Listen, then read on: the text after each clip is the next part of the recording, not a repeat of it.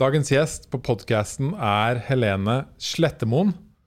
Vi snakker om hvordan hun ble en digital nomade under covid-pandemien. Og hva er egentlig en digital nomade? Hei, Hei. velkommen hit eh, inn i studio. Takk, takk. Veldig hyggelig å være her. Mm. Du har jo vært en sånn uh, superkul uh, digital nomade under korona, Ja, eh, kul og kul. Jeg har i hvert fall vært en digital nomade. ikke sant? Hva Ok, vi må, vi må grave litt i det. Mm.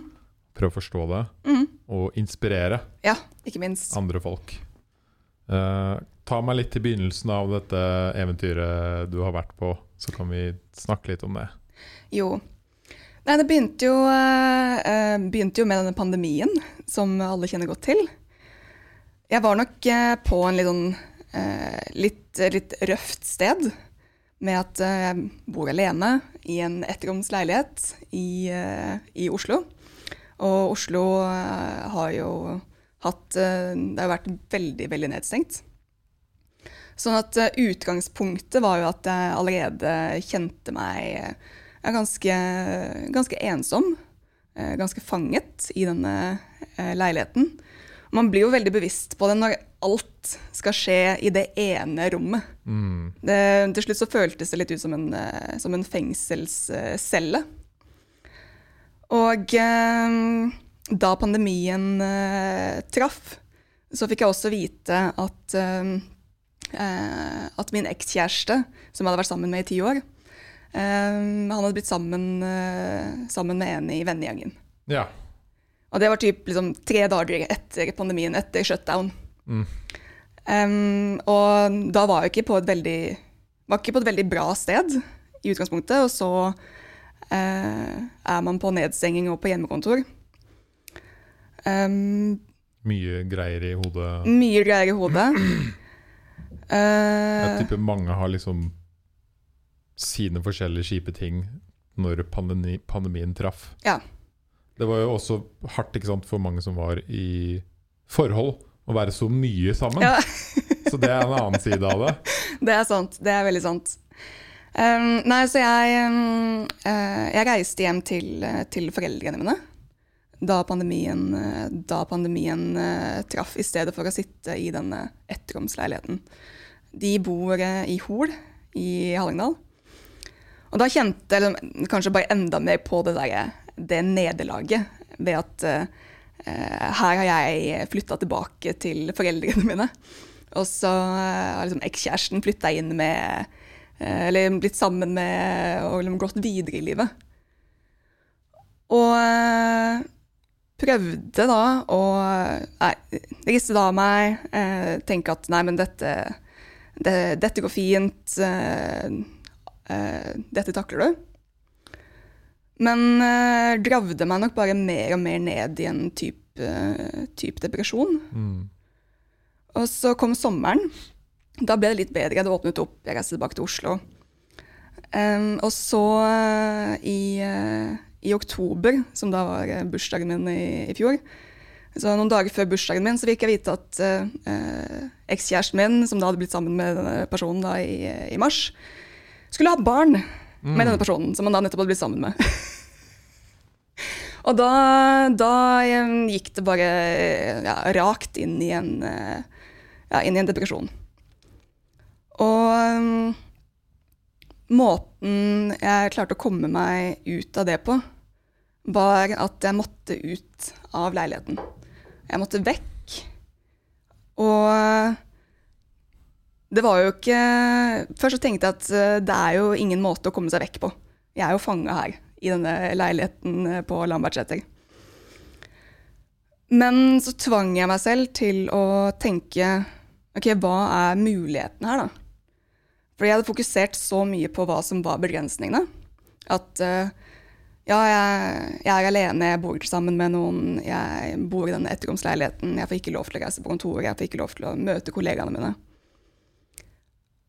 Og så tvang jeg meg selv til å klare å tenke ok, men hva, hva er liksom the silver lining? Noe positivt må det være. Det må være eller annen, et eller annet mulighetsrom i dette også. Og da tenkte jeg at ja, OK, jeg er jo jeg er alene. Jeg eh, har denne lille leiligheten, som betyr at jeg ikke har så mye lån.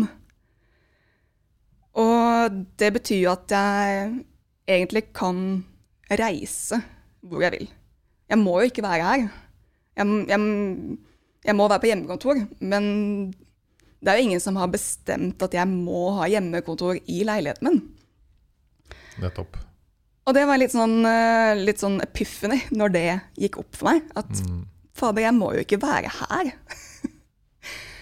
Så jeg begynte å utforske litt eh, Ja, fader, men hvis jeg skulle reist, hvor, hvor skal jeg reise hen da? Hvor skulle det vært? Og så eh, litt som en eh, ja, eh, litt sånn skjebnens skulle da ha det til at en venninne av meg som jeg ble kjent med på, på en fjelltur samme året, sendte meg en melding på Snap og bare Hei, jeg har leid et hus i Lofoten. Vil du være med? Og det var liksom den uken hvor jeg hadde sittet og gjort research på hvis jeg skulle reist, hvor skulle jeg reist? Så hun bare ja, vil du, vil du være med? Og jeg hadde bare ett spørsmål, og det var er det wifi? og eh, hun bare ja, det er det. Så da booket jeg billett til, eh, til Leknes i Lofoten.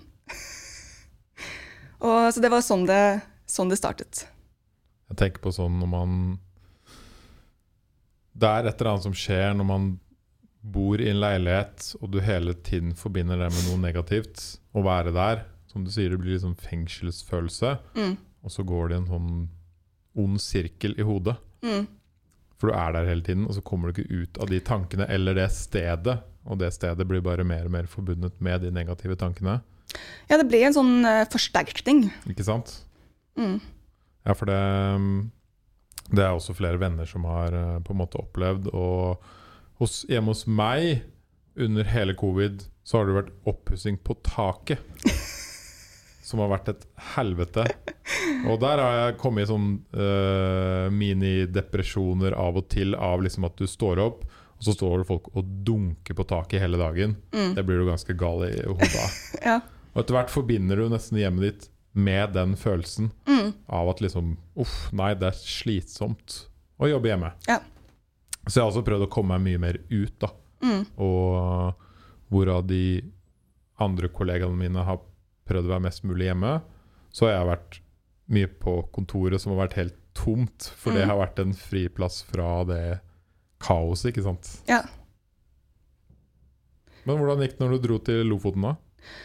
Nei, eh, det var jo eh, Altså, det var jo et eh, eventyr. Mm.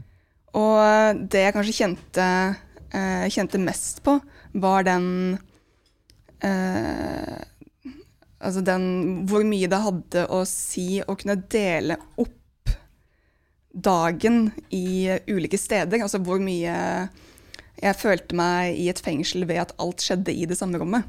Men at med en gang jeg fikk delt det opp, og det merket jeg også eh, de ukene jeg bodde hjemme hos foreldrene mine, hvor jeg da kunne dele opp at eh, det rommet jobbet jeg i, eh, og så spiste jeg i stua, og så trente jeg i garasjen.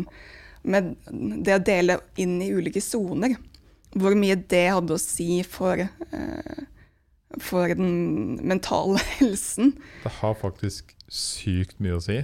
Det å, å, å liksom skifte om, da, så hadde jeg mm, i dette huset som jeg, som jeg leide sammen med venninnen min Ingvild, så hadde jeg da et eget, eh, et eget rom som da var mitt kontor. Eh, Så om morgenen sto opp og gikk da inn på det kontoret, og var supereffektiv der. Eh, Spiste lunsj sammen med henne. Og gikk tilbake igjen på kontoret. Og så, når arbeidsdagen var ferdig, det å kunne da lukke døren til det rommet og finne på noe annet. Eh, om det var eh, kajakkpadling, eller om det var fjelltur, eller hva det var. Det, altså det gjorde at jeg ble mye mer produktiv enn det jeg hadde vært på flere uker. Ikke sant? Så det med eh, Altså Det med hvor mye man får gjort på jobb også. Eh, når man er ute og reiser. Mm. Jeg, jeg var nok kanskje litt bekymret for at jeg kunne eh, at det kunne gå utover produktiviteten min på jobb at jeg var et annet sted. Men jeg opplevde at det var egentlig mer Det var motsatt. Jeg ble mer effektiv ved å være et annet sted enn eh, enn i Oslo. Vi snakka også eh, Jeg skal komme tilbake til den reisen inn, men det er veldig interessant. Jeg har jo bodd i to leiligheter jeg, egentlig i, under covid. Vi flytta i januar i, i år. Mm. Før det så bodde vi i en, en leilighet hvor jeg hadde kontoret i stua, som også var kjøkkenet. Mm. Og det ble liksom For det første, det jeg merka, var at det var veldig mye lettere å blande inn jobb i hverdag og kvelden og fritid, Absolutt. og omvendt. Så alt gikk liksom mer i ett. Ja. En sånn derre smash av bare alt mulig, men jobb var for tilgjengelig i stua, i sofaen, i liksom For det var bare ett rom, Mm. så det ble naturlig at man gjorde alt der. Ja, ja. Uh, og når vi flytta, fikk jeg eget rom, eget kontor til jobb, Mm. uh, som hjalp veldig. Mm. For da er det liksom Der inne skjer jobb. Mm. Og her ute prøver man å unngå det, og ikke mikse for mye med de, eh, med de to. Ja, for jeg, jeg følte at jeg ikke gjorde noen ting bra. Ikke sant? Eh, jeg jobba ikke bra. Jeg, var ikk- jeg klarte ikke å koble av bra. Eh, jeg klarte ikke å trene bra. For, nettopp fordi jeg gjorde alt samtidig. Ja. Fordi mens jeg trente, så kom jeg kanskje på Fader, sendte jeg den e-posten selv om mens jeg holdt på med noe eh, knebøy, så bare Ja, fader, jeg skal bare gå og sjekke det, og så havner du inn i en sånn mailtråd, og så bare 20 minutter seinere Fader, hva var det jeg egentlig gjorde? Ja, fader, det var knebøy, det var det jeg egentlig holdt på med. Mm. Så det har jeg også merka når jeg er på trening. Ja. Hvis jeg sjekker mail, ja, så er treningen helt fucked. ja, ja. Da er det sånn der «Å, nå, å, Hva tok jeg nå? Ja. Hvor mange reps? Hva er jeg på? Hæ? ja, det Men ikke sant?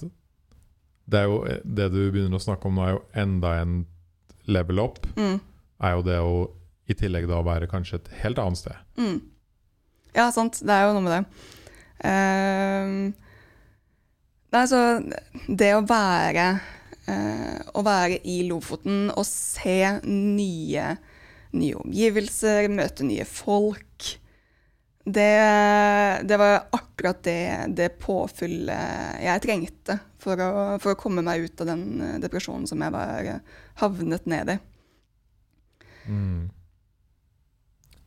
Og hvor lenge var du oppe i Lofoten, da? Jeg var der i seks uker. Mm.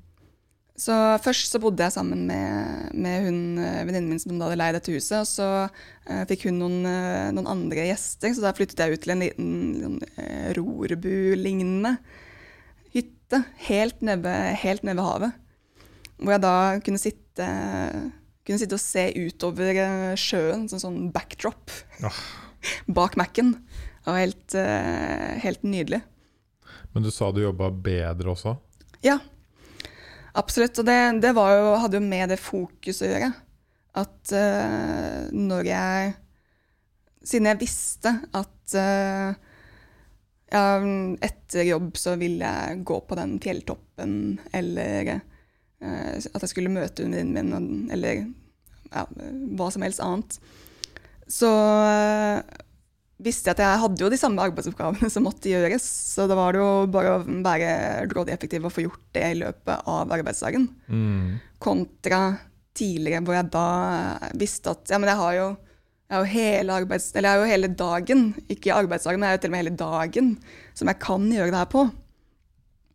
Og da da brukte jeg hele arbeidsdagen, eller da brukte jeg hele dagen på det, kontra å bruke arbeidsdagen på det. Mm. Ikke sant? For det hadde ikke så mye å si. Nei, det er akkurat det. Det var ikke noe spesielt du skulle etterpå, så Nei, nei, nei. Man blir fort sånn super Eller man kan bli sånn veldig Mennesker har jo Det ligger i vår natur å være late hvis vi Mm. ikke jobber mot det, ikke sant? Ja. Uh, siden vi har det så bra, så kan man naturligvis da bare være lat hele Mm. tiden hvis man vil. Og det kan være vanskelig å komme seg ut av, ut av det. Ja. Og spesielt har du vært det under covid på hjemmekontor, hvor du bare Jeg har hele dagen, og det er ingen som egentlig følger med på hva jeg gjør. Og Jeg kan ikke gå noe særlig sted etter jobb, Mm. så hvorfor skal jeg stresse? Hvorfor kan jeg ikke bare ikke sant? Det blir ikke noe spesielt å glede seg til, eller noe spesielt å gjøre. Mm. Så ja, det er veldig interessant, akkurat det der. Og det skal jo sies, og det er jo bare en refleksjon, men man kan jo faktisk gå i naturen utenfor Oslo òg, Ja, det, ikke sant? man kan jo det. Mm. Som en sånn, ikke som en sånn like bra disconnect som å gå opp til Lofoten, men uh, man har jo egentlig muligheten Mm. til å gjøre det. Ja, og jeg, jeg benytter meg mye av, eh, av Martra i, i Oslo uh, i det vanlige. Det jeg kjente på som ble som en ekstra smell i, eh, i pandemien, var jo det med at man helst ikke skulle ta, ta kollektiv heller. Ja. Fordi jeg går jo ned på Landegren. Så eh, når, det, mm, når den også kom at eh, Og jeg har ikke bil. Nei. Nei, når, det er supervanskelig. Ja, så når den også kom at Nei, og så skal man ikke ta kollektiv. Så bare, men i helvete, da. Can't catch a break. Mm. Hva syns kollegaene og, og på en måte sjefene dine og sånn, når du sa at du skulle stikke opp dit og jobbe Nei, altså Det var jo også litt interessant, da, fordi jeg, jeg bytta jo faktisk jobb idet jeg reiste til Lofoten. Mhm. Så jeg, jeg jobbet i, i Skipsted frem til, frem til det, så da var det egentlig bare siste Det var vel siste, siste uka mi tror jeg, på jobb i Skipsted at jeg jobba fra Lofoten. Og så eh, eh, var jeg da i prosess eh, i, ja, i desember, da jeg fikk eh, melding fra Ingvild om jeg ville flytte til Lofoten, så var jeg i, eh, i prosess og overgang eh, med denne nye jobben i Diar som leder der. Mm. Og da var jo et av de En av de spørsmålene jeg stilte til den nye sjefen min når jeg fikk tilbudet, var ja, jeg vil gjerne ta tilbudet, men kan jeg jobbe fra Lofoten? Og hun ble litt overrasket, men sa at altså, for meg så for meg så er det samme hvor du er. Vi sitter jo alle på hjemmekontor. Så om du sitter på hjemmekontor i Oslo eller om du sitter på hjemmekontor i, i Lofoten, så lenge, eh, så lenge jeg får tak i deg, så er det det samme for meg hvor du er. Så da hadde jeg første, ja, første arbeidsdag eh, med nye kollegaer eh, i Lofoten. Mm. Men alle satt jo på, som se- selvsagt, så satt jo alle på, eh, på video uansett, så Ja, og det som skjedde under covid, var jo at alle folk i alle aldre satt jo på hytta. mm, Mange, i hvert fall. mm, Så jeg prata med mange folk uh, som bare måtte på hytta. Ja. Liksom, ja, hvorfor skal jeg sitte her? Nå kan jeg like greit dra opp dit. Ja. Jeg var også mange, mye flere turer på hytta vår enn det jeg noen gang ellers har vært. Og kunne være der en uke ikke sant, uh, uten noe problem. mm, Og hvis samboeren f.eks. hadde fri en uke, så kunne vi være der oppe sammen. Så kunne jeg jobbe en uke, og hun har fri. Ikke sant? Det funka veldig bra. Ja. Og som du sa, hvorfor skal egentlig Eller hvorfor skal sjefen bry seg når du uansett er på hjemmekontor? ja, det var liksom det. Ja. Så lenge man har internett, da. Ja. Så lenge man er på en måte tilgjengelig, Mm, eh, så er det jo bare positivt at man er et sted man har det bra. mm. Altså, og det, det var jo på en måte det jeg var mest opptatt av også da jeg, eh, da jeg, jeg skulle leie dette, denne hytta ved, ved sjøen. Var jo at, eh, at wifien var bra. For det er jo på en måte det eneste som, eh, som kan bli eh, noen irritasjonsmoment for kollegaer. Mm. Hvis du, hvis du sitter langt oppe i Lofoten, og du i tillegg har dårlig dekning, og det, liksom, det lagger, eller sånn, da, da blir du ikke den mest populære på jobb. så, så det er veldig viktig å, å få avklart med, så der, der var jeg at, det var, eh, at hastigheten var bra nok. Vi snakka litt om når vi sitter jo på Mesh i dag, som er co-working space. Og snakka med han som er daglig leder her, Mm. og tulla litt med han i stad. Bare sånn Når kommer det Mesh eller co-working space i skauen Ja. og på fjellet Mm. og utafor et vann? Mm. Det fins sikkert mange av de i verden nå, men det må jo være det uh, ultimate. Mm. At du kan betale for et sånt sted som Mesh eller 657 eller et eller annet sånn lignende co-working space. Mm. Og så kan du være her, men du kan også dra på fjellet og jobbe derfra. Mm. Ja. Det hadde vært helt på en måte ultimat å ta med deg på en måte jobben som du kanskje leier kontoret med, eller noe sånt dit. Ja, og jeg håper jo at, eh, at eh, sånne ting kommer. Mm. Jeg håper at, eh, at man har sett litt mer mulighetene til hva, hvordan arbeidslivet kan være. Og at man ikke faller tilbake til sånn som arbeidslivet var eh, pre-2020. Jeg leste jo en forskning på det, eller forskning, en artikkel i hvert fall, Mm. som sa hvor de hadde spurt mange, mange, mange tusen unge folk i USA Mm. om eh, hva de gjorde hvis sjefene tvang dem tilbake på kontoret. Ja. Eh, som du må være på kontoret hele uka. Mm. Og da slutter de. Ja. Altså 90% sa at de slutter. Ja. Og bytter jobb. Ja, man har blitt, eh, man har blitt mer, eh, mer kravstor Mm. som, eh, som ansatt. Jeg har hørt også flere som, som har vært altså flere andre ledere som har intervjuet og rekruttert folk. De sier at folk stiller høyere krav nå til sjefen sin og til arbeidsplassen enn det man gjorde før. Mm. Og spesielt det her med frihet. Man har liksom fått litt smaken på det. Og så ja, vil man ikke gi slipp på det. Problemet er ofte at vi er veldig flinke til å komme tilbake til normalen. Ja, det er det. Jeg lurer på om det kommer til Det kommer nok til å endre seg. Mm, Det må det. mm, Og øh, på den andre siden nå så ser jo bedrifter at vi trenger jo ikke så mye kontorplass. Nei. Det er jo dyrt å leie kontorer. mm, Eh, finnes det en annen måte å gjøre det på? mm. Kan, vi, kan folk være her litt? Kan folk være her to dager i uka? Én dag? Av og til til Mm. workshops? Det blir veldig kult å følge med på framover. Ja, veldig. Mm. Uh, og jeg, jeg kjenner jo på det at, uh, at uh, det er jo veldig lett å havne tilbake i den gamle tralten. Det er jo det. Men jeg har tatt et, ja, et bevisst oppgjør med meg selv. Da, at, eh, at jeg skal sette av fremover tid til å kunne ta, eh, å kunne ta hjemmekontor.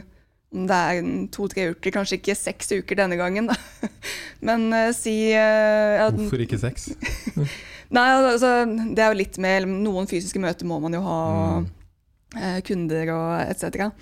Men, eh, men sånn for min del så tror jeg kanskje at eh, mm, tre uker er litt eh, der liksom, smerteterskelen går. Men tre uker Man får mye påfyll ved å være tre uker et annet sted enn det du vanligvis er. Mm. Hva er liksom pakka for å sørge for optimalt hytte- eller bortekontor? Hva er det man må ha med seg i den Hva er det du anbefaler å ha med i den pakkekofferten? Jo, nei, for jeg ble jo, jeg ble jo etter hvert eller, sånn, eh, rutinert da, på det her. Jeg var jo først i, i Lofoten da, og så, eh, og så senere så reiste jeg til, eh, til Sjusjøen, og så til, eh, tilbake til Hallingdal igjen, og så til Mandal. Sånn at jeg har jo da reist rundt eh, flere steder. Og eh, ble etter hvert en ram på hva er det hva må jeg ha med meg. Det ble jo litt uh, varierende avhengig av jeg, hvordan jeg reiste. Sånn som til Lofoten så var det jo eh, fly. Da er det litt begrensa hvor mye du kan ha med deg. Men jeg kjøpte meg en, en, en eh, eh, portabel skjerm som ser ut som en tablet. Som eh, tar veldig liten plass, som du bare kan eh, sette opp. Fordi eh, jeg er eh, avhengig av å ha to skjermer. Eh, og tastatur og Hvor mus. stor blir den skjermen, da? Nei, den blir liksom uh, litt større enn en, en, en uh, Mac- Ja, mm, Mac-skjerm. eller en laptopskjerm? Laptop-skjerm. Mm. Um, og um, ja, og tastatur og, og mus, som da ikke tar så stor plass. Der så har jeg sånn Mac-tastatur. Jeg bare for å få dem klemt det innimellom noe, noe plagg i kofferten. Mm. Eh, så det er egentlig det man trenger. Noe bra wifi. Ja. Og et bra headset eller noe. Ja, Det er digg. det er digg. Um, Og det jeg også merka, er som er veldig viktig på generelt på hjemmekontor og vet ikke hva jeg skal kalle det, bort, nomad office. Så å sette liksom laptopen opp Ja, ja, absolutt. Om du har et sånt stativ eller bare bruker bøker, det er Ja. egentlig det samme. Du kan bare ta hva som helst, egentlig. Men det er derfor det er viktig med eget mus og tastatur. Mm. For da sitter du ikke og ser ned hele dagen, men du kan liksom se rett fram inn i skjermen. Ja, jeg hadde en bunke med bøker som jeg dro med meg, så de ble, de ble multifunksjonelle både for å lese i og eh, for å støtte opp uh, Mac-en. Mm. Så, eh, så det er det, det med hva man trenger å ha med seg til selve, selve kontoret, eller som jeg tror jeg hadde med meg for kontoret. I tillegg så er det jo eh, det med hvilken aktivitet vil man gjøre dit man skal reise. Jeg reiste jo litt ulike steder basert på hvilken aktivitet jeg ville drive med. I eh, Lofoten så ville jeg gå i fjellet, så da var det jo viktig å ha med seg eh, nok varme klær. og sånn jeg driver også med liker å løpe, så var det med å ta med piggsko og alt som jeg trenger for løping. Da jeg reiste til Sjusjøen, så var det jo langrenn som var i fokus. Og eh, da var i Mandal, så var det kajakkpadling. Mm. Så da det med å ta med kajakk. Det er jo litt mer hassle, da. Det er litt mer jobb. Men i hvert fall de andre, alle de andre tingene, det er jo bare andre klær enn byklær, egentlig. Ja. Så Eh, og jeg ble også veldig eh, bevisst på det på hvor lite, hvor lite man egentlig trenger. yes. Eh, For jeg hadde jo da pakket med meg disse ulike, ulike aktivitetsklærne. Og så eh, hadde jeg vel med meg sånn fem-seks jobbantrekk. Fordi eh, det er fem arbeidsdager, og så kan jeg liksom, eh, overraske den ene dagen ikke sant, med noe Mm. annet enn det, det jeg pleier. Og eh, når jeg da kom tilbake til leiligheten min og hadde liksom, med dette havet av klær å velge mellom, så ble jeg nesten sånn Oi, shit. Jeg har, har egentlig så, men da ble det nesten vanskelig å ta valg igjen. Det var mye enklere Yes. når jeg bare hadde disse fem-seks eh, antrekkene å, eh, å velge i. Jeg har også merket at selv om man på en måte har et hav av klær, så går man stort sett i de fem-seks samme klærne. Stor, I hvert fall, i hvert fall jeg, da. Ja. ja, det er sant. Det går på en sånn runde. Og så ser jeg inni det andre skapet av og til. Bare, ah, 'Jeg vet ikke hva jeg skal gjøre med de klærne her'. Hvordan funker de? Jeg veit ikke. Um, nei, så det er det, og så um, I tillegg så er jeg, jeg er veldig glad i å lage mat. Sånn at um, til, uh, til Sjusjøen og Mandal, da hadde, jeg, da hadde jeg bil tilgjengelig. Da lånte jeg um, bil av foreldrene mine i Mandal, og så leide jeg bil gjennom hyre. Da var det på Sjusjøen. Mm. Og da var jeg jo litt mer fleks med at da kunne jeg jo ta med mer ting. Og, så da tok jeg med meg en god del eh, eh, ting som jeg trenger for å lage mat, lage god mat. Da tok jeg med liksom, eh, masse krydder, jeg tok med meg blender og alt, eh, alt det som jeg vet kan mangle på en sånn utleiehytte. Og eh, jeg følte liksom, når jeg da, den siste turen jeg var på til Mandal, når jeg da, pakka, så kjente jeg liksom at det her begynte å gå liksom, på autopilot. Og, liksom, ja, så må, jeg ha med den bare skjermen, og så må jeg ha med krydderne mine, så må jeg ha med de jobbklærne og løpeskoene. Og, eh, alt eh, gikk da plutselig eh, Mm. mye raskere. Og da, da ble det også enklere å reise, fordi da ble det ikke eh, Da ble terskelen veldig lav. Mm. Jeg visste liksom alt jeg skulle gjøre. Jeg visste hvordan jeg skulle Og så når jeg skulle leie, leie hytte eller leilighet, eh, så visste jeg liksom hva jeg skulle se etter. Det, det måtte være bra wifi. Det måtte være vaskemaskin. Eh, og det måtte være bra utsikt.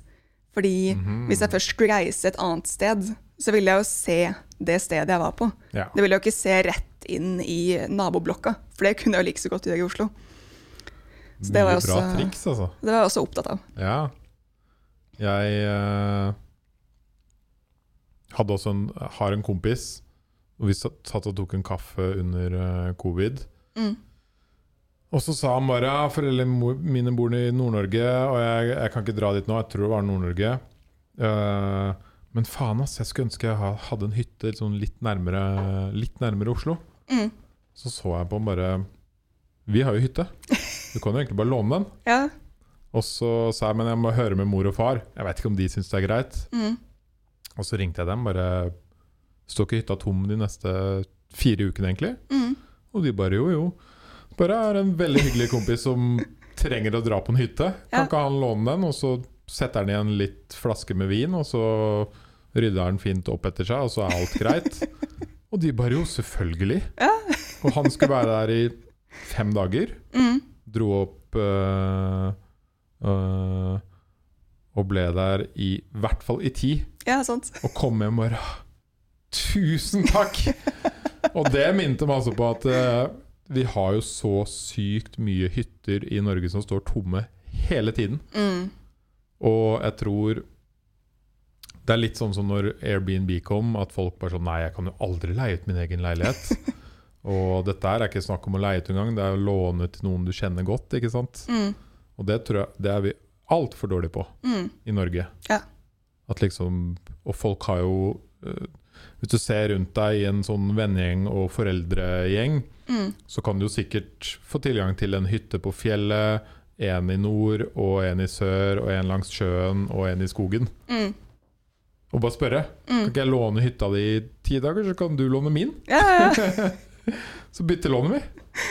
ja, og et, et annet eh, Altså et, eh, en annen greie da, som jeg mener at nordmenn kanskje er litt, eh, litt dårlige på, er det å utfordre pris. Mm. For det gjorde jeg alle steder som altså Jeg leide stort sett gjennom Airbnb. Og uh, alle stedene så Det står jo en pris der. Men med tanke på at det, det var jo utenfor sesong uh, alle stedene da jeg var der. Så jeg sendte en forespørsel til dem. Hei, hei, jeg skal være Jeg tenkte å være der i tre til fire uker. Siden jeg skal være såpass lenge det er utenfor sesong, kan vi, liksom, Mm. kan vi møtes på en pris. Og da fikk jeg jo alltid en eh, mye bedre pris enn det som sto der. Det er også en fordel med å reise steder utenom den hovedsesongen. Ja. At da, da er det mulighet for å kunne lande en litt bedre pris. ja, for det er sikkert Det er én fordel. Og så er det sikkert fordel at det ikke er så mye mennesker og turister Ja. der. Nei, absolutt. Mm. Eh, Sånn som, eh, ja, sånn som i, i Lofoten, så var det jo, det var jo helt tomt. Når var du der, da? Det var fra slutten av januar til, eh, til mars. Mm. Så seks uker der. Og det var også noe med at da fikk jeg også se Lofoten fra en annen side enn det jeg hadde, enn det jeg hadde sett fra Insta-feeden til, til venner. da. Fordi da hadde jo de stort sett vært der på, på sommeren, når man jo har, har ferie. Men eh, Lofoten på vinteren var eh, helt eh, magisk. Mm. Med, jeg tenkte at det kom til å være veldig mørkt, siden det jo er mørketid. Men det lyset som er selv om det er mørkt, var bare helt, helt magisk. Og Nei, jeg bare føler virkelig at eh, jeg har sett Lofoten på en helt annen eh, måte. Altså, Lofoten har sett veldig annerledes ut enn det jeg trodde det skulle se ut. Mm. Kult. Det er jo en veldig sånn enkel og overkommelig ting å gjøre for folk, da. Fordi den, den gamle på en måte digitale nomaden skulle jo dra langt bort til Asia og India og, og sånn, og det er litt mer utfordrende. Mm. Uh, sist jeg var i Bali, så, eller når jeg var i Bali sist, så hadde de Der hadde de lagt veldig opp til sånn co-working og det å bo der over en sesong, f.eks. Mm. Veldig. Det var liksom uh, Vi møtte mange folk når vi var på Det var en uke på yoga- og meditasjonsskole. Mm. Og veldig mange av de folka var sånn som bodde der i tre måneder Mm. og jobba på co-working space og liksom bodde i Bali. Mm. Og det, egentlig det vanskeligste de sa, var tidsforskjellen, Ja, selvfølgelig. som er noe man må virkelig tenke på når man skal velge et sted. Men øh, og, og det jeg skulle fram til, er at den typiske digitale nomaden tenkte man på som før, da, som skulle bort veldig langt og Ja. finne seg sjæl. Men du trenger jo ikke å dra så veldig langt. Nei, det trenger jo ikke, du trenger ikke gjøre det så komplisert. Nei. Fordi med en gang du gjør det, så blir det jo komplisert. Ja. Ikke sant? Og blir det et større mission hvis du sier du skal til Lofoten eller inn i skogen et eller annet sted i tre uker, Mm. så blir det lettere. Mm. Ja, det merket jeg også med uh, da jeg var i, eh, i Sjusjøen og uh, og i Mandal.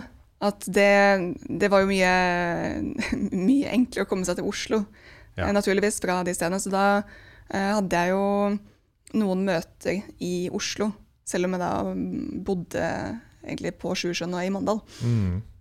Um, for da kunne jeg bare kjøre inn. Da tok det ja, to-tre timer fra Sjusjøen og eh, fire-fem timer fra Mandal. Så at hvis det var noe eller måtte, eh, en samling på jobb som jeg måtte delta på, greit, så kjørte jeg dit på morgenen, og så kjørte jeg tilbake igjen eh, på kvelden. Mm. Jeg var også besøkt en kompis av meg som flytta til Andøya i, under covid, Mm. og skal starte opp sånn hostell-opplevelsessenter okay. der oppe. Kult. Og da gjorde jeg det samme som deg. Besøkte han i Eller ja, jeg besøkte han i ti dager eller noe. Mm. Og da jobba han med sitt på dagen, og jeg med mitt på mitt rom og mitt kontor hjemme hos han. Ja. Eh, og så møttes vi og spiste lunsj Mm. og gikk tur med hunden. Mm. Og så liksom på de sinnssykt vakre naturen rundt der. Og det gjør jo et eller annet med hodet ditt med en gang du går ut på en sånn liten tur midt på dagen. Mm. Så får du jo sånn Du blir nesten tvunget til å koble av, ikke sant? Ja. Hjernen din bare poff! Mm. Sånn knapp i hodet som bare wow! Ja, og jeg ble også jeg ble overrasket over hvor mye det hadde å si bare det å se andre omgivelser. Mm. Og så hvor mye Hvor mye mindsettet mitt endra seg bare jeg klarte å Altså bare jeg så nye omgivelser, og det var nye, nye impulser, nye mennesker. At da, da kommer liksom ut av den der negative spiralen som jeg hadde liksom gravd meg selv ned i da jeg satt, eh, da jeg satt i Oslo. Mm. Det er utrolig deilig å komme ut, og det er eh, helt magisk hvordan naturen kan gjøre det med, med hodet. Ja, virkelig. Kom det liksom med en gang du kom til Lofoten? Ja, faktisk. i Idet jeg med idet jeg sto opp der eh, dagen etter og bare trakk fra gardinene og liksom så de fantastiske fjellene eh, som er backdropen der, så bare kjente jeg Jeg kjente at jeg var liksom, ti kilo lettere. Mm. Så digg. Veldig. Ja. Det er det samme jeg også har kjent de gangene jeg har vært på hytta og, og oppe i nord. Og jeg lurer på hvordan dette kommer til å endre seg framover i tid. Ja, jeg håper jo eh, Altså, jeg håper jo at man kan utfordre mer det, det etablerte. Altså der det etablerte er sånn som det var før, før pandemien. Um, og at man kan Ja, nå jobber vi jo med å på en måte sette sammen igjen arbeidslivet. Vi har liksom hatt en liten sånn eh, opprivelse under pandemien, hvor vi overhodet ikke har jobba sånn som vi har jobba før. Og så er vi nå på andre siden. Men da håper jeg at vi ikke setter det sammen til den måten det var før pandemien. Mm. Um, men det trenger heller ikke se ut sånn som det gjorde i pandemien, men på en ny måte som passer oss bedre. Hva er det du håper det kommer til å se ut som, eller bli? Nei, jeg håper på mer, på mer fleksibilitet. At man kan bruke det, det beste fra to verdener. Da. Mm.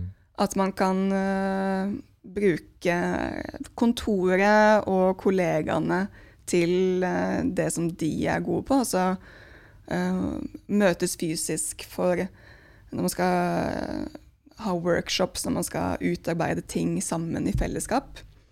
Eller for, for det sosiale.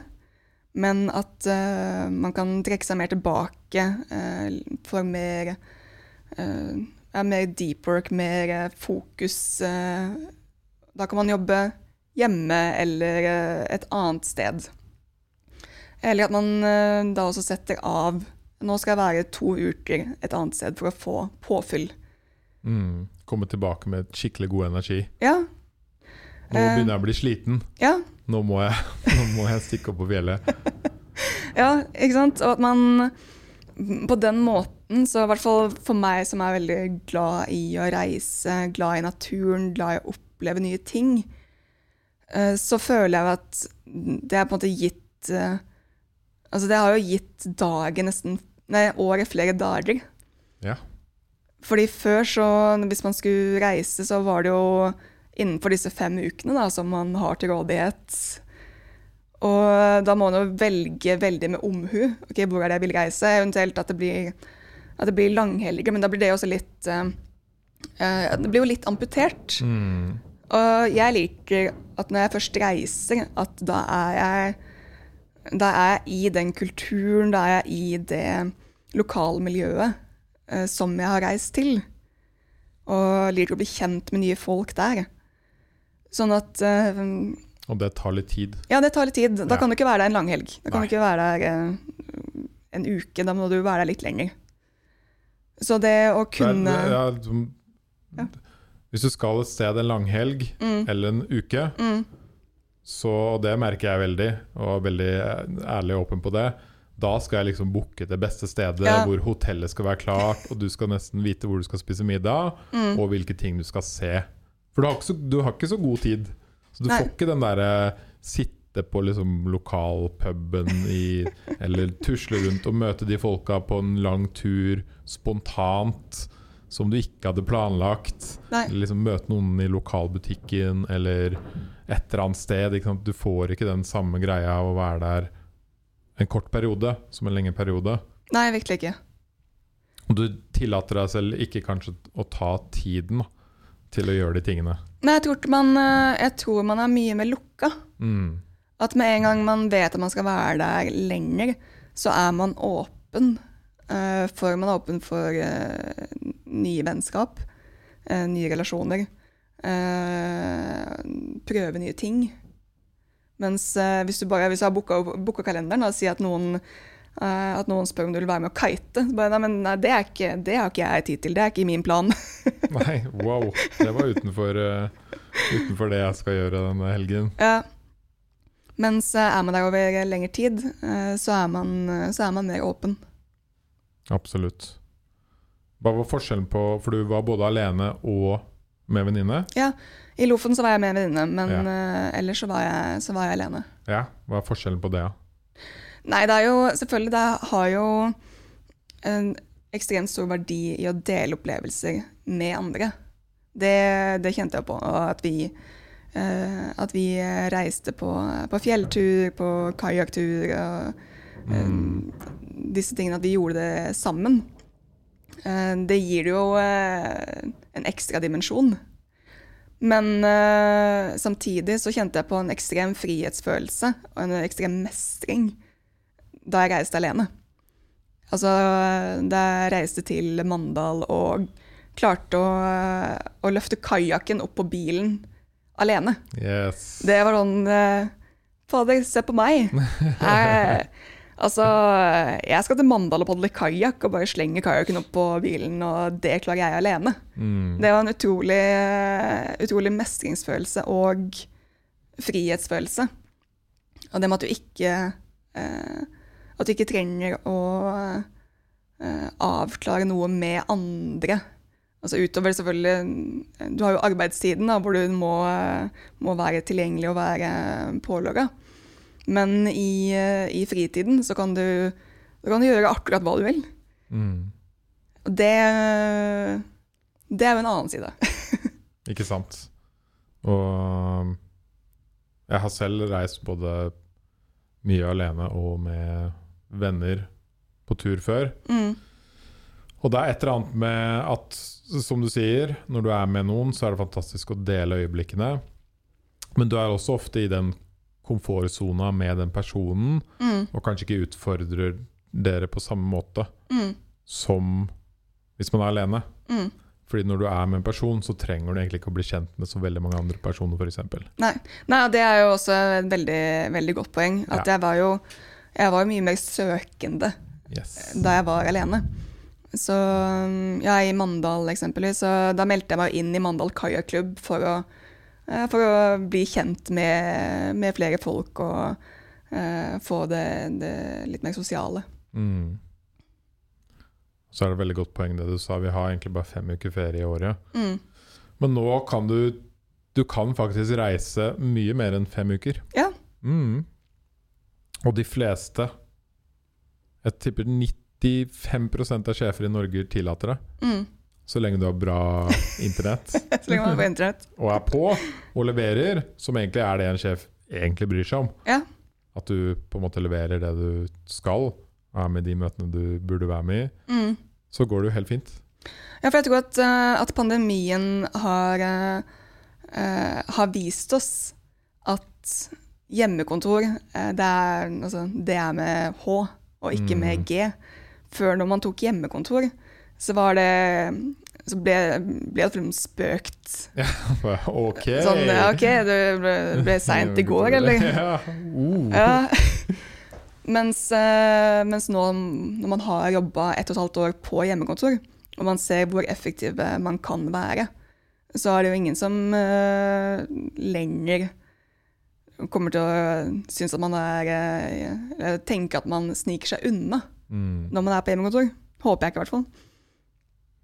Nei, det, det som også er fint med den samtalen her, og som man kan lære når man tenker på covid, er liksom ut av de kjipe tingene så kom det også gode ting Ja. som vi burde prøve å lære av. Ehm, og dette er jo ett eksempel på det, ikke sant? Mm. At man, man har lært seg, og man lærer nå av denne samtalen her at man kan faktisk reise Mm. og ha hjemmekontor borte. Og være en digital nomade. Mm. Uten at det skal være så avansert. Ja. Det kan være på hytta, det kan være to timer utenfor Oslo, det kan være Lofoten, i Sverige eller i Bali. Mm. Liksom, det er mange nivåer av det. Ja. Ehm, eller du kan bare leie en hytte kjempenærme Oslo for å komme i gang. Ja, jeg, jeg var faktisk eh, Jeg hadde jo eh, jeg, var, eh, jeg hadde hjemmekontor også på en DNT-hytte Ja. her i Marka. Eh, På Huldreheim. Mm. Der var det ikke så bra wifi, så jeg vil ikke anbefale noen videomøte. det var sånn slagvis eh, Eller det var innslag av 4G-dekning. Men funka veldig bra for å på en måte, Hvis man hadde lasta ned alt man skulle ha, man klarte til å motta litt mail og sånn. Mm. Eh, Men så bare ja, sånne korte, korte turer også funker, eh, funker fint. Ja. Og det man ofte kan kan og burde tenke på da, er som vi snakka litt om i stad, hva er det minste utstyret jeg trenger for å Mm. ha det bra nesten hvor som helst? Mm. Fordi det er klart, drar du til en helt mørk hytte bare med stearinlys uten, uten strøm, Ja. så er det ikke så lett å være på hjemmekontor. Da er det mye bedre å være der på en ferie. Ja. Uh, men nå er det jo veldig mye moderne hytter Mm. som har mye av det man trenger. Mm. Um, så er det på en måte én god ting som har kommet ut av covid. Og så er det veldig mange som har lært mye om seg selv. Ja, absolutt. Ja. Hvordan de er som personer, eller i forhold, eller alene, eller med familien. Hvordan det egentlig er å bo i by. Mm. For det var veldig annerledes å bo i by under covid. Ja, det er jo, man har jo sett det på statistikken at det er jo flere som har flytta ut, uh, ut fra Oslo uh, nå etter eh, pandemien. Mm. Og det, det får vi se da, om det er en bølge også folk flytter tilbake, eller andre folk flytter inn. Mm. Men jeg, har kjent, jeg kjenner flere som har flytta ut. Mm. Og nå er det jo hyggelig igjen å bo i byen, eh, syns jeg. Ja. Med liksom ting som er åpent, og kafeer og mennesker og masse ting du kan gjøre. For det er derfor man bor i by. Mm. Når alt det var borte og tatt fra deg, så var det sånn Hva gjør jeg her i denne Mellom alle disse blokkene og husene og stengte butikkene. Mm. Det var ganske trist. Mm. Jeg, var jo Jeg også var litt innpå tanken der en, en periode hvor jeg så fikk den samme Hva gjør jeg her? I denne bitte lille leiligheten eh, i Oslo. Jeg som egentlig er så glad i å være i naturen. Men jeg hadde jo en forhåpning om at eh, pandemien ville være forbigående. Og Mm. klamret meg liksom fast i det at men det å bo i byen er jo egentlig Jeg liker jo egentlig byen. Eh, Jeg hadde nok ikke Jeg tror ikke jeg hadde trivdes med å bo landlig hele året. Ikke jeg heller. Så derfor med å få den kombinasjonen eh, er nok eh, Ja, jeg tenker sånn igjen beste fra to barn. Mm. Ellers jeg tror ikke jeg ville gjort det, men det kan godt være jeg hadde trivdes med det. Mm. Men jeg måtte bodd nærme nok byen. Ja.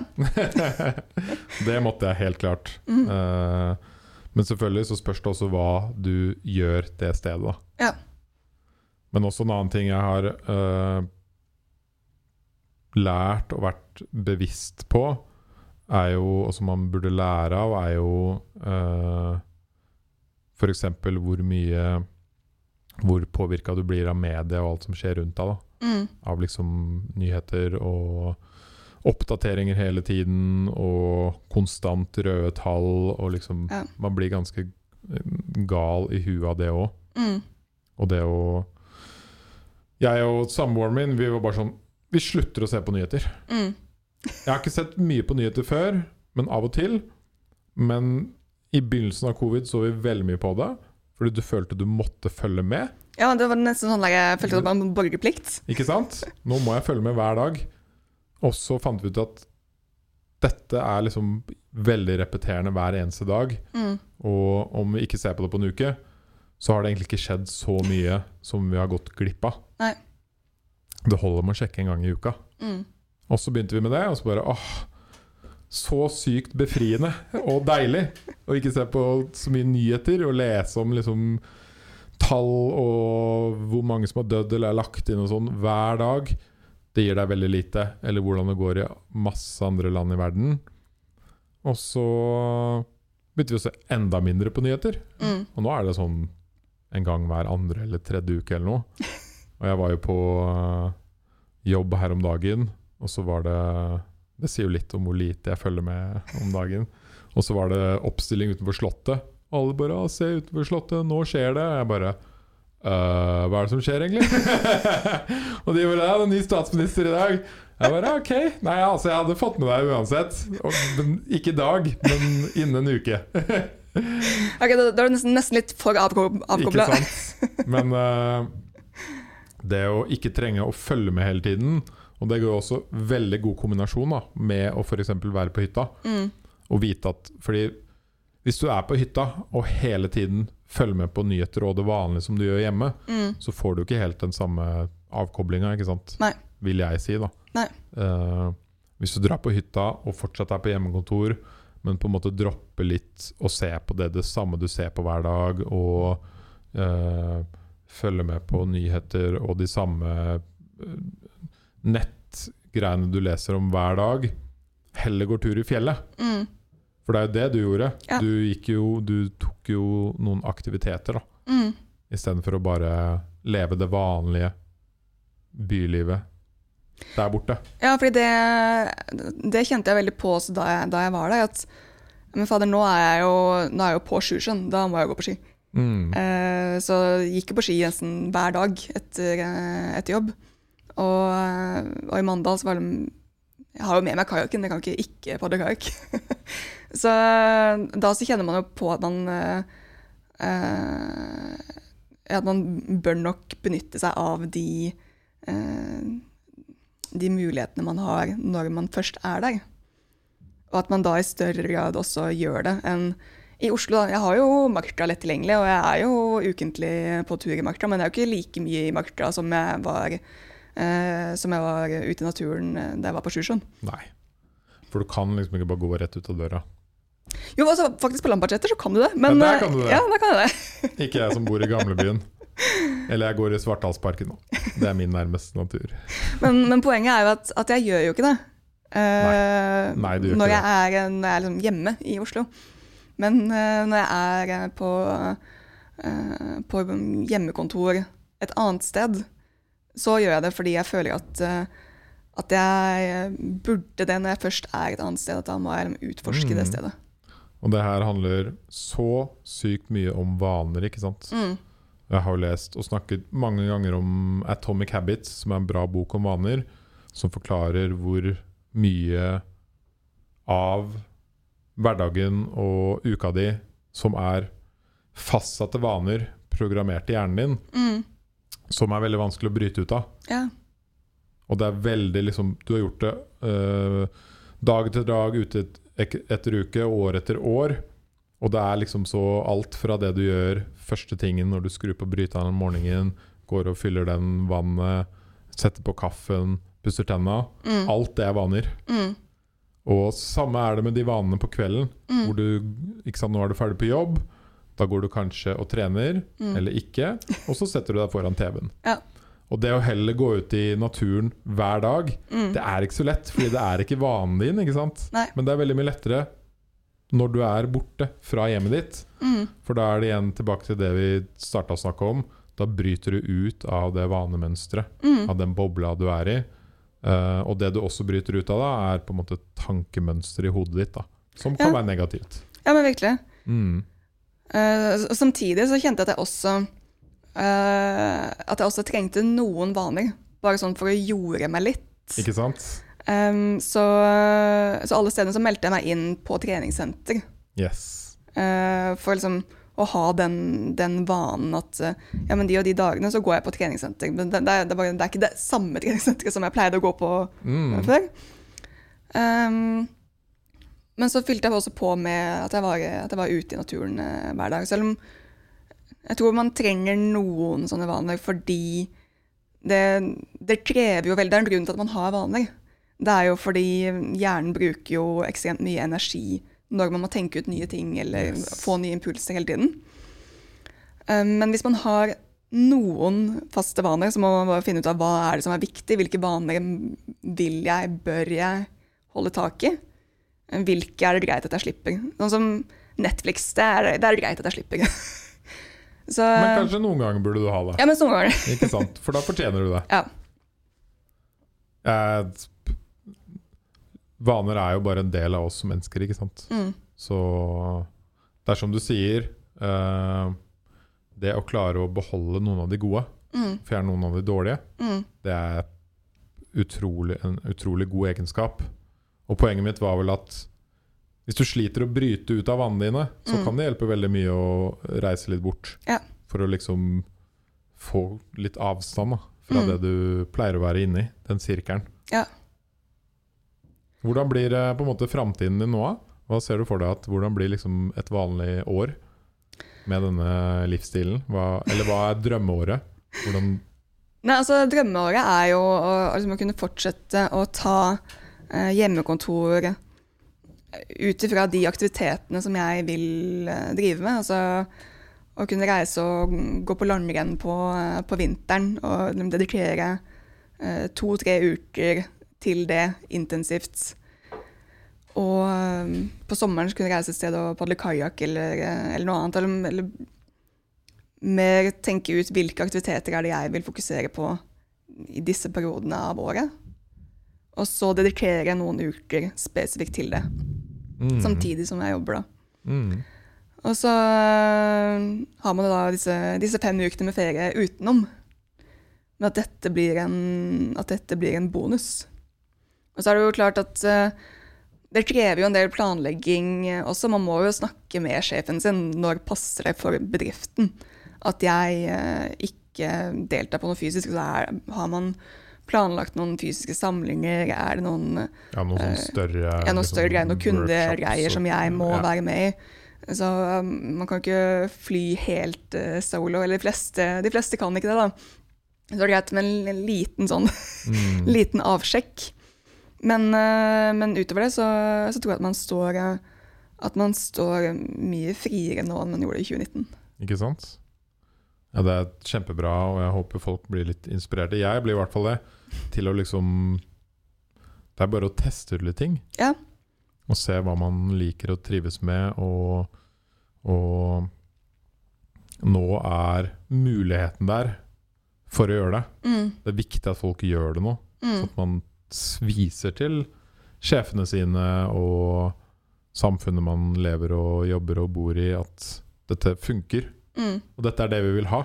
mm. For da skjer det en forandring. Ja, så jeg tenker altså, nå er jo Nå har jo ikke jeg eh, familie å forholde meg til, så eh, sånn for min del så er det jo kanskje mye lettere å bare kunne reise av gårde. Men samtidig så er det jo for familier så Det er jo 13 uker hvor det er skolefri. Ja. Eh, eh, hvor eh, jeg har opplevd tidligere da, at mange tar med barna på jobben. På kontoret, så sitter det, sitter det en kid på nabopulten og, Med en eh, iPad. med en iPad eller sitter og tegner eller et eller annet. Og at de heller da kan reise på, på en firmahytte. Eller eh, at de kan reise, at de kan leie en hytte, eller hva vet jeg. Men komme seg ut og vekk, og så kan, kan de heller slippe barna litt løs da, på hytta, og så kan de holde på med sitt. Mens, eh, mens man selv sitter på hjemmekontor. Og så gjør man noe sammen som en familie Mm. på kvelden et annet sted. Det tror jeg også eh, er en mye bedre opplevelse for alle. Absolutt. Det er liksom en kjempegod idé. Og jeg har også snakka med samboeren min om det her. Hun er jo lege, så hun har jo ikke friheten til å gjøre mye av de tingene her. Nei, Men de har avspaseringsuker av og til. ja. Uh, men det jeg har sagt til hun, er også at det er jo viktig å ta en uke fra hverandre av og til. Ja. Og liksom få tid til å tenke og, og slappe av. Det er viktig å være alene av og til, og jeg har jo klart å sagt det her til hun så feil et par ganger. Liksom, jeg har sagt det er viktig å ha pause av og til. Sånn, Nei, det var feil ord. Jeg mente ikke det. Poenget mitt har vært at uh, for alle mennesker så er det kjempesunt og bra å liksom være alene en Mm. uke. Mm. Med seg selv, med sitt eget hode, med sine egne tanker.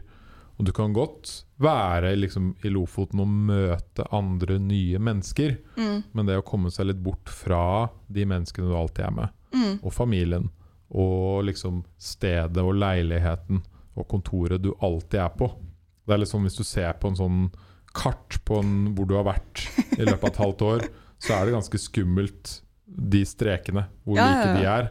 Uh, at du skal bort fra de strekene litt, og kan gjøre det alene av og til, Mm. det er bare kjempebra og sunt for alle. Ja, altså, man formes jo veldig av hvem man er sammen med. Mm. Og, eh, og det var nok noe jeg kjente veldig på også etter, uh, etter ti år i forhold. Eh, at eh, da det ble slutt, så ble jeg litt sånn Fader, hvem, hvem er egentlig jeg? Ja. Hva, hva er det egentlig jeg liker å gjøre? Uh, og det liksom, å finne ut av det er jo litt en reise, det også. Og jeg kjente også veldig på det da jeg var ute og reiste nå det siste, siste halve året. Hvor man da kommer enda mer vekk, fordi man kommer da også vekk fra, ja, fra venner og, og at man ikke møter kollegaer på samme måte. Så man blir veldig fristilt. Og da blir man også tvunget til å finne ut av uh, hva er det jeg egentlig liker, hvordan er det egentlig jeg er som person, hvordan er jeg i møte med nye personer. Mm.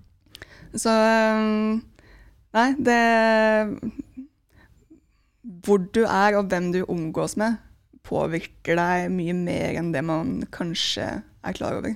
Veldig. Absolutt.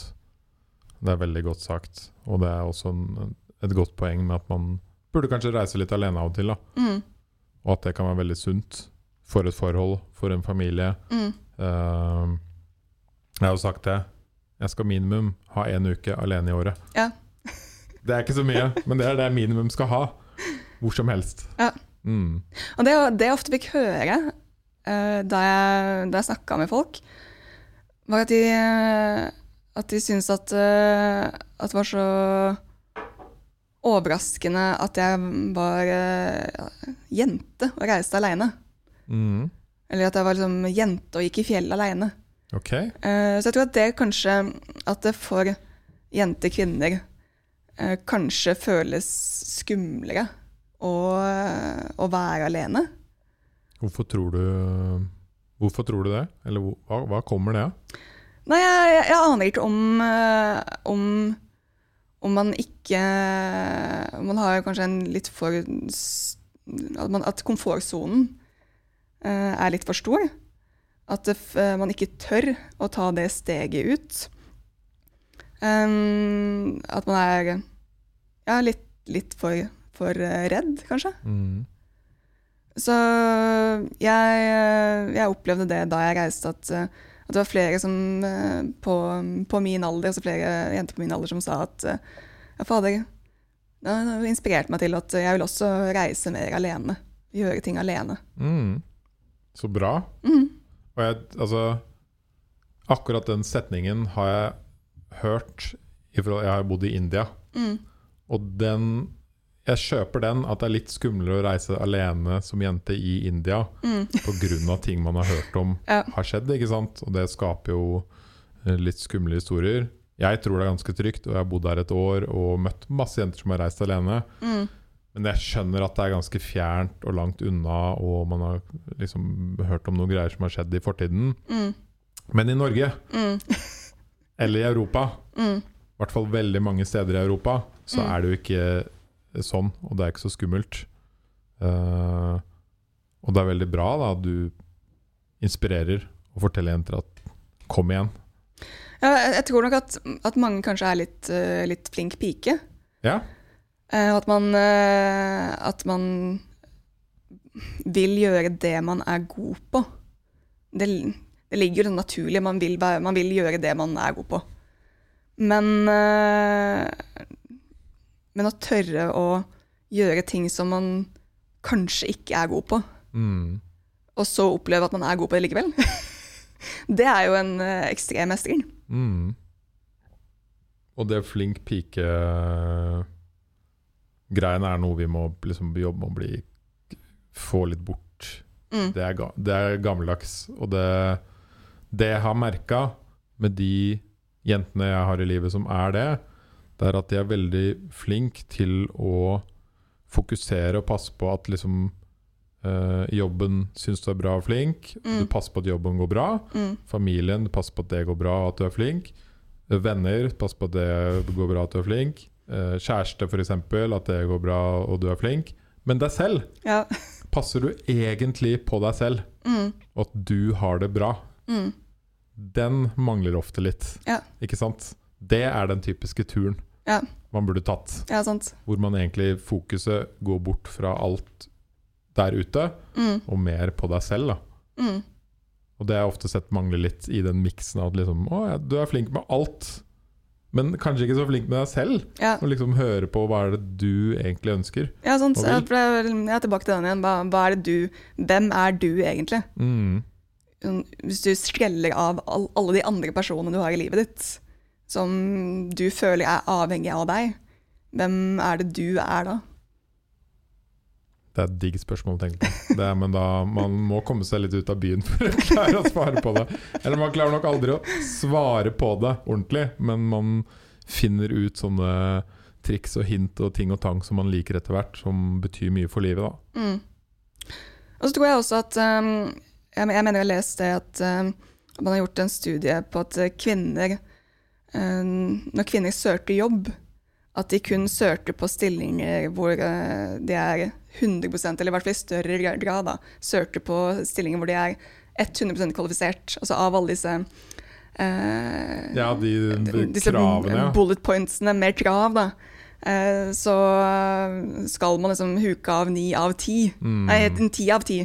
Mens eh, menn i større grad kan huke av ja, ok, jeg kan i hvert fall fem av ti. Da. Det er jo Ja, eller ikke det engang. det, bare en av ti». Sjef, det hørtes kult ut. Det prøver jeg. Um, Så de har, jeg mener jeg har lest en studie om det at, um, at eh, kvinner i større grad må ha alle uh, de avhuket før de tør i, i det hele tatt søke på en jobb. Mm. Mens uh, menn tenker at ja, men ja, det, det andre det lærer jeg sikkert. Det, det går seg til. Ja, vi, vi bare på test. Jeg husker jeg søkte jo på Da jeg kom hjem fra India, så søkte jeg på 30 jobber. Mm. Bare dunka ut. Altså som å skyte med hagle på finn.no-stillingene, ikke sant? Og fikk jo masse intervjuer. Og lærte masse av det. Og fikk til slutt liksom drobb, drømmejobb i Innovasjon Norge som jeg aldri trodde jeg kunne få. Mm. Og som jeg ikke sant, Jeg visste ikke hva stillingen betydde engang, og kravene i det hele tatt hadde jo ikke Jeg hadde jo sikkert 10 av de, Mm. men de likte meg som person Mm. og syntes jeg passa inn. Mm. Og samboeren min husker jeg søkte på to eller noe, tre, Mm. og det var liksom mer enn nok Mm. å forholde seg til. Eh, en, en annen ting som er litt tilsvarende, som jeg også merka når jeg snakka med vennegjenger om det her, da, Mm. er at uh, menn er mye flinkere til å be om høyere lønn Ja. Enn kvinner. Mm. Og så spør jeg liksom kvinner hvorfor uh, nei, det er litt ubehagelig. Og så føler jeg egentlig at lønna på en måte er grei nok. Ja. Jeg er bare sånn Ja, men det har gått fem år. Har du ikke spurt om mer lønn på fem år? For jeg har spurt hvert år, Ja, og det verste som skjer, er at man får nei. ja, det er jo noe med det. Ikke sant? Men nei, jeg har ikke så veldig lyst, og jo, kanskje jeg skal gjøre det, og det blir sånn klein stemning? Ja. Ja, det kan bli klein stemning. Det går bra. Det er du over. Og det er også en sånn litt sånn flink pike-ting, da. Mm. At bare sånn Nei, jeg håper at jeg får bedre lønn, ja, for det er jo flink. Ja. At det ordner seg. Ja, at, eh, at, eh, at det er en eller annen eh, karma som bare kommer til å inntreffe og gi deg, automatisk gi deg høyere lønn hvis du jobber hardt. Mm. Men, men sånn er det ikke. Sånn funker ikke businessverdenen. Altså. Nei, så, så jeg tror nok at, eh, at eh, det kan være noen av de samme liksom, eh, mentale mekanikkene som, som slår inn, som gjør at kvinner kanskje altså nå, har, nå har jeg ikke noe statistikk på det, det er bare basert på min, min erfaring og feedback jeg har fått når jeg har reist, at eh, folk er overrasket over det. Mm. Men det kan nok hende at, at det er fordi at kvinner ja, de eh, at, at man må ha alt avsjekka. Sånn at, ja, men jeg kan jo kanskje ikke reise dit, fordi jeg vet jo ikke, jeg vet ikke hvor, hvor jeg skal bo, eller hvordan det blir, eller eh, hvordan er hvor blir nærmeste matbutikk da, og hvordan er det å komme seg dit, og hvordan er det egentlig å bo der, og kan jeg trene der? Mm. Altså man, man krever at eh, hele den listen med spørsmål er ferdig utfylt. Og da ender man kanskje opp med å ikke reise fordi man er, ikke kan svare på alt, eller fordi eh, man er redd for svarene på noen av spørsmålene. Og så, tror jeg også det at man er at, eh, også, det som jeg snakket om i stad, med, med å prute på pris og, og sånn, at det også er kanskje noe som sitter litt lenger inne for, eh, for noen eh, kvinner. At eh, man må, må ta litt mer guts der og bare, bare spørre. Ikke sant? Kan jeg få høyere lønn? Kan jeg få lavere pris? Ja. Og på liksom Det er jo ofte så mye lettere enn det man tror. Ja, ja. Så mye lettere. Altså Det er snakk om å sende en melding på Airbnb. Ikke sant? ja, ja. Og til og med så kan du gjøre det uh, Du kan gjøre det på, på masse forskjellige ting i livet. Mm. Spørre om en bedre deal eller lavere pris eller ja, ikke sant, mer lønn eller et eller annet. Og det er ganske enkelt, men man må jo øve seg litt på det for Mm. å komme inn i det. Men det er jo derfor også kanskje enda mer viktig da, at uh, flere kvinner tester å gjøre det du har gjort. Mm. For det er en veldig god start på å gå litt ut av de der eh, mentale sperrene man har. Mm. Og vite det at går du på hytta og du har glemt en pakke egg, så går det veldig bra. Og sannsynligvis er det liksom, maks tre kvarter å kjøre til en butikk. Du, du, klarer deg veldig fint et par dager uten de eggene. Du har Mm. sikkert masse annen mat i kjøleskapet. ja, jeg føler meg tenke litt sånn Hva er det verste som kan skje? Det, og det går sikkert helt fint. På en eller annen måte så går det sikkert helt fint. Yes. Og? Nå faster jo folk i Det er jo det som er populært nå. Å vannfaste i et par døgn. Det er det verste som kunne skjedd. Mm. At du får deg en sunn vannfasting i et par døgn. Fordi du har glemt å kjøpe noe mat. Nei, men Det er veldig bra og veldig kult å høre, og det er liksom Tror folk sitter og tenker bare sånn Hm, dette er jo veldig enkle greier som jeg bare burde gjøre. Mm. Det er ikke noe sånn hokus pokus superavanserte greier. Nei. Og du kan starte med din egen hytte, eller din egen venn sin hytte, eller? Du kan ta det litt step by step, Mm. og lære deg å, å bli kjent med den måten å, å jobbe og jobbe remote på. Mm. Ja, så jeg, jeg startet liksom med å, å bo litt hos, eh, hos foreldrene mine. Um, og, så, og så ble da denne, denne Lofoturen da med en venninne. Og så, etter det, så begynte jeg med å reise på, på egen hånd. Så det var jo det var en prosess for, eh, for min del også. Mm. Så kult. Nei, da kan vi jo oppfordre alle til å teste det her. Ja, absolutt. Mm. Super uh, Bra at du ville dele din historie. Jo, takk for at jeg fikk komme. Ja, så kult. Eh, du holder også foredrag om det her, gjør du ikke det? Jo, det gjør jeg. stemmer. Ja. Så på, finner meg på talelisten. På talelisten. Mm. Hva skal de søke på der, da? Da skal de søke på Helene Slettmoen. Ikke sant? Så søk på det hvis dere har lyst til å høre Helene tale en dag. Da er det også, er det også med ikke bare dette, dette audioinnslaget, men eh, også visuelle med, i form av bilder og videoer fra, fra turen. Nice. Mm. Det kan være veldig bra foredrag for uh, arbeidsplasser å høre, Mm. tenker jeg. Hvis dere liker podcasten, så trykk gjerne på subscribe eller abonner. Og skriv en hyggelig review eller en kommentar på YouTube. Tusen takk for i dag.